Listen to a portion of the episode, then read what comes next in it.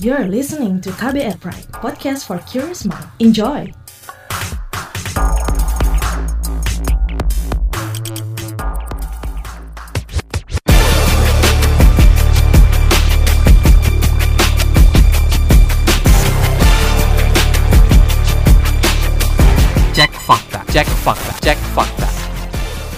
Akun Facebook mengunggah video yang memperlihatkan seorang pembalap yang masih mengenakan perlengkapan balap melakukan selebrasi dengan berenang di sebuah danau. Dalam klaimnya, akun tersebut menyebut bahwa kejadian tersebut terjadi saat perhelatan balap motor dunia di sirkuit Mandalika beberapa waktu lalu. Bagaimana penelusurannya?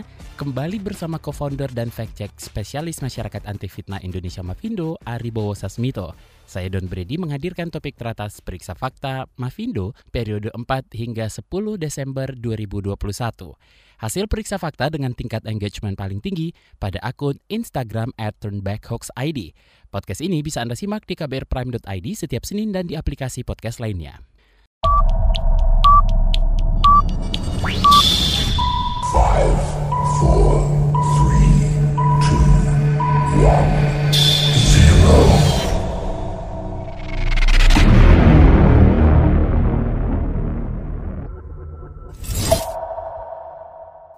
Number 5. Di posisi kelima, foto dengan narasi turunnya hujan deras saat warga di Turki sholat minta hujan. Sebuah akun Facebook mengunggah video yang berisi beberapa foto dengan narasi bahwa terjadi kebakaran dahsyat di Turki bulan Agustus 2021.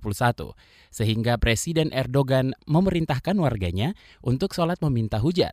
Saat warga Turki melakukan sholat tersebut, hujan turun sangat lebat seperti yang ditampilkan pada video unggahan itu. Bagaimana nih penelusurannya Mas Ari?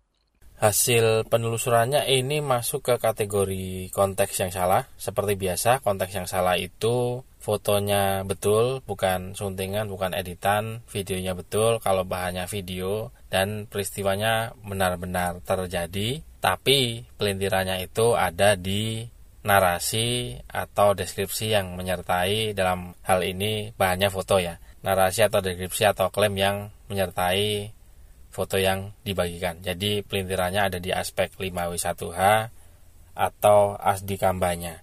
Apa, siapa, di mana, kapan, mengapa, bagaimana. Memang betul waktu itu ada seperti yang digambarkan di foto orang yang sedang sholat Jumat lalu turun hujan lalu sholatnya di bawah siraman air hujan dan ini memang di Turki waktu itu terjadi di beberapa masjid yang itu di buka lagi setelah ada penurunan kasus COVID-19 yang artinya eh, kalau COVID-19 itu tidak jauh-jauh dari 2021 dan 2020 ini ya. Nah, sebetulnya kebakaran itu kan terjadi di 2021 di tahun ini.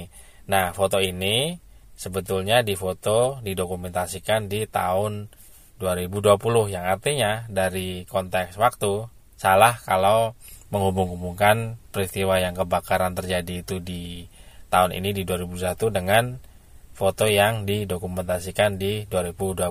Nah, di situ pelintirannya di waktunya, di when atau kapannya kalau dari aspek 5W1 atau asdi kampanye. Dari when atau kapan, sebetulnya ini foto 2020 lalu dibagikan lagi ditambahin narasi yang mengeluarkan foto ini dari konteks yang sebenarnya yaitu sebetulnya fotonya foto tahun 2020 lalu dihubung-hubungkan ditambahi aspek dipelintir gitu ya dihubung-hubungkan dengan peristiwa di 2021 Number 4. Di posisi keempat, video dengan narasi pembalap MotoGP Jorge Lorenzo selebrasi dengan berenang di danau sirkuit Mandalika. Sebuah akun Facebook yang mengunggah video yang memperlihatkan seorang pembalap yang masih mengenakan perlengkapan balap melakukan selebrasi dengan berenang di sebuah danau. Dalam klaimnya, akun tersebut menyebut bahwa kejadian tersebut terjadi saat perhelatan balap motor dunia di sirkuit Mandalika beberapa waktu lalu. Bagaimana penelusurannya Mas Ari? hasil penelusurannya ini masuk ke kategori konten yang menyesatkan.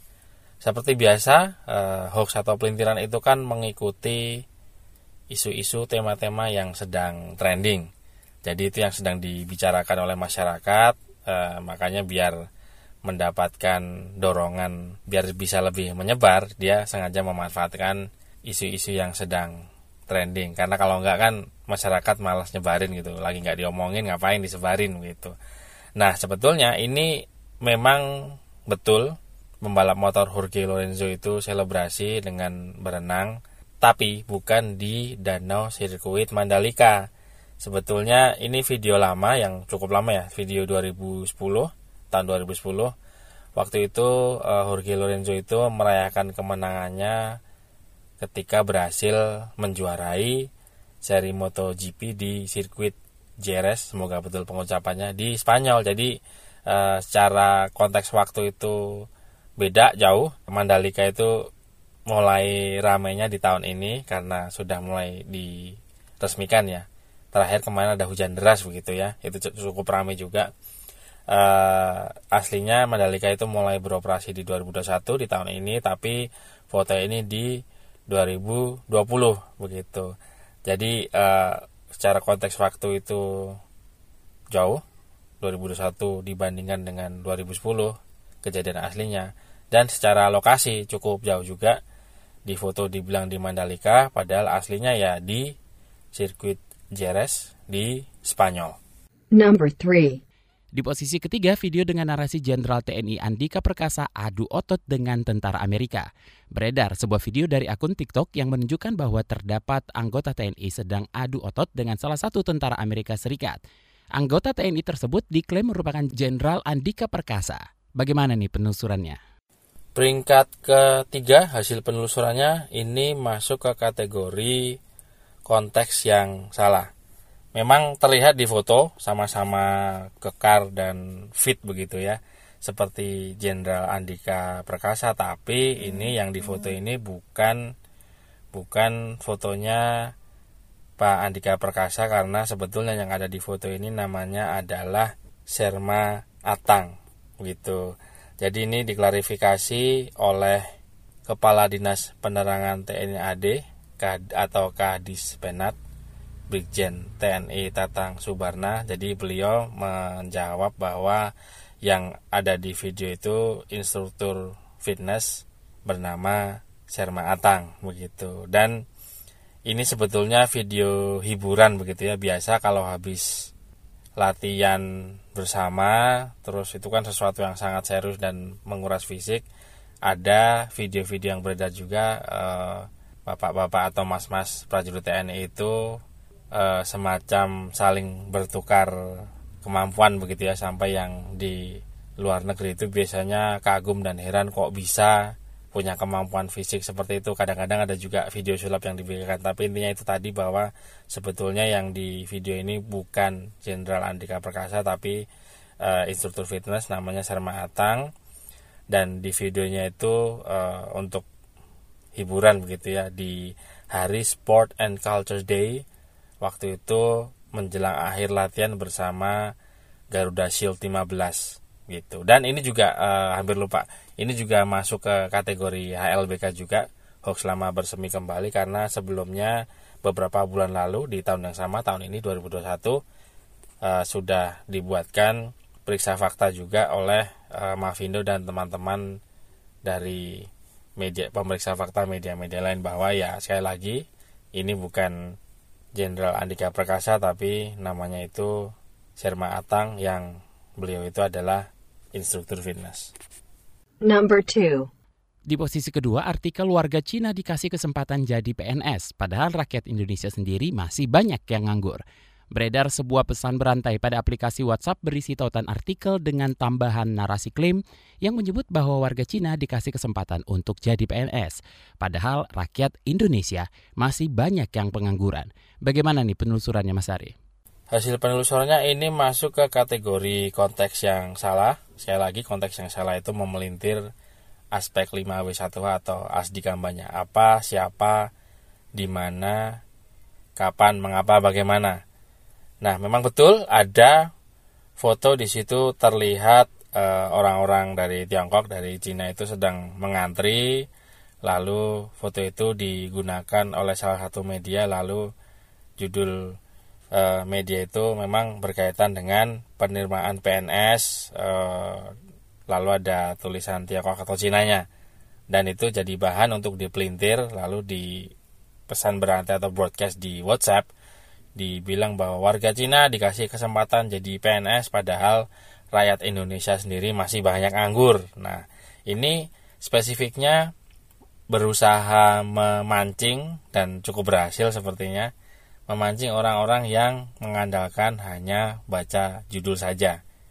Jadi selesai baca di judul lalu emosi lalu disebarkan dan kalau di WhatsApp itu kan kalau membagikan tautan atau URL atau link itu kan akan muncul uh, preview pratinjau bahasa uh, eh, KBBI-nya pratinjau yang memperlihatkan bahwa lalu muncul fotonya dan muncul judul artikelnya begitu. Untuk orang-orang yang selain malas membaca judul ada juga yang cuma mengandalkan pratinjau lalu kegocek emosinya dan menyebarkan. Ya berhasil tak taktik ini. Lalu mengira bahwa ini penduduk Tiongkok atau Cina yang mengambil alih lowongan PNS di Indonesia. Padahal faktanya itu artikelnya itu tidak membahas penerimaan PNS di Indonesia.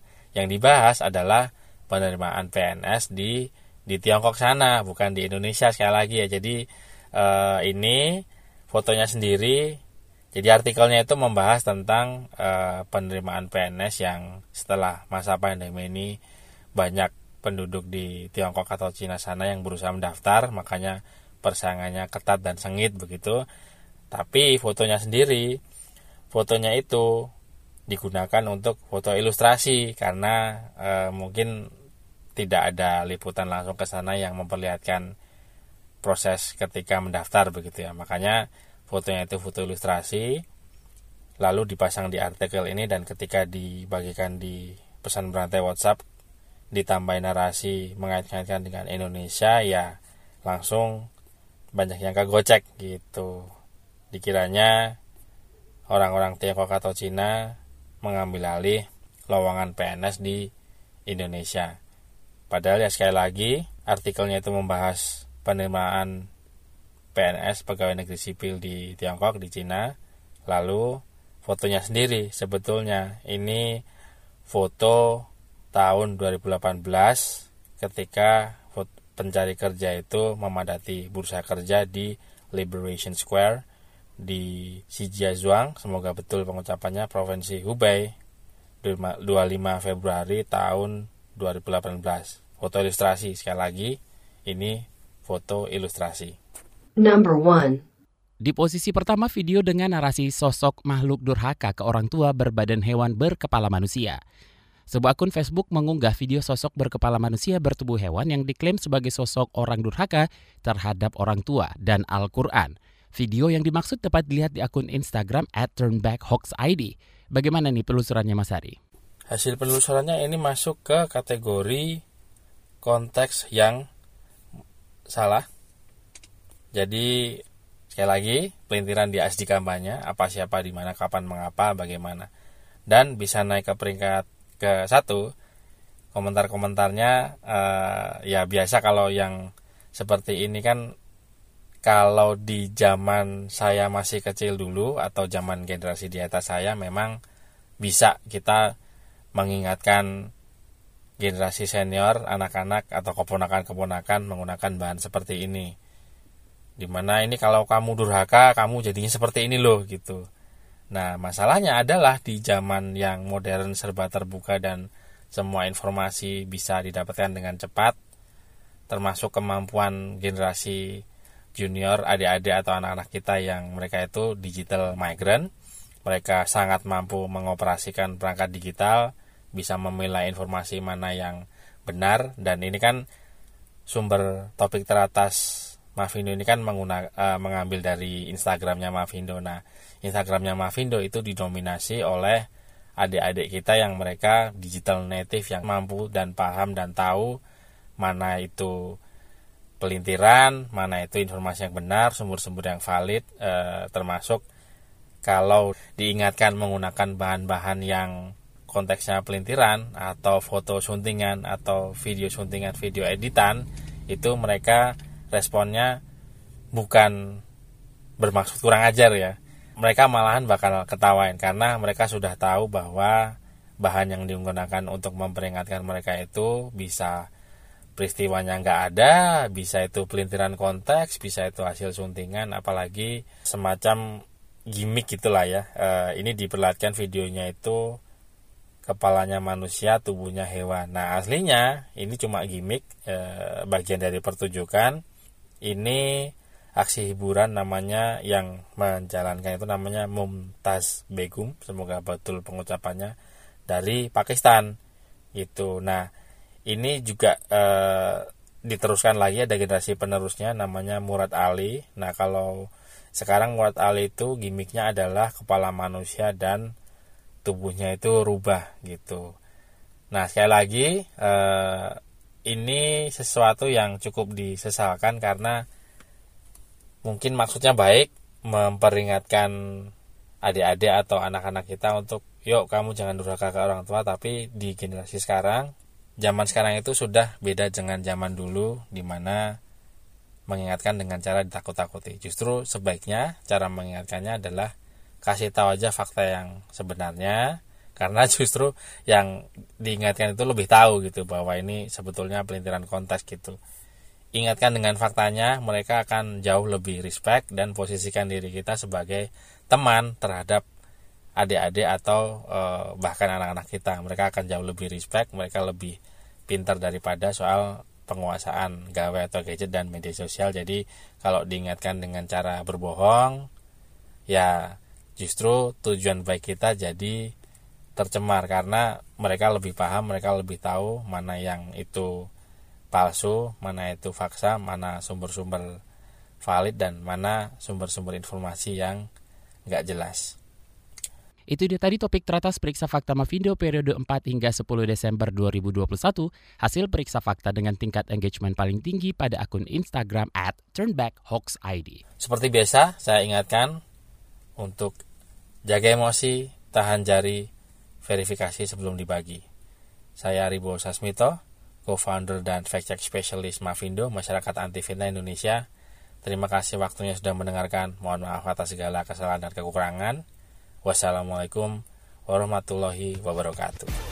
Terima kasih telah menyimak podcast Cek Fakta ini. Kami menantikan masukan Anda lewat podcast at kbrprime.id. Sampai jumpa di episode berikutnya. Cek Fakta. Cek Fakta.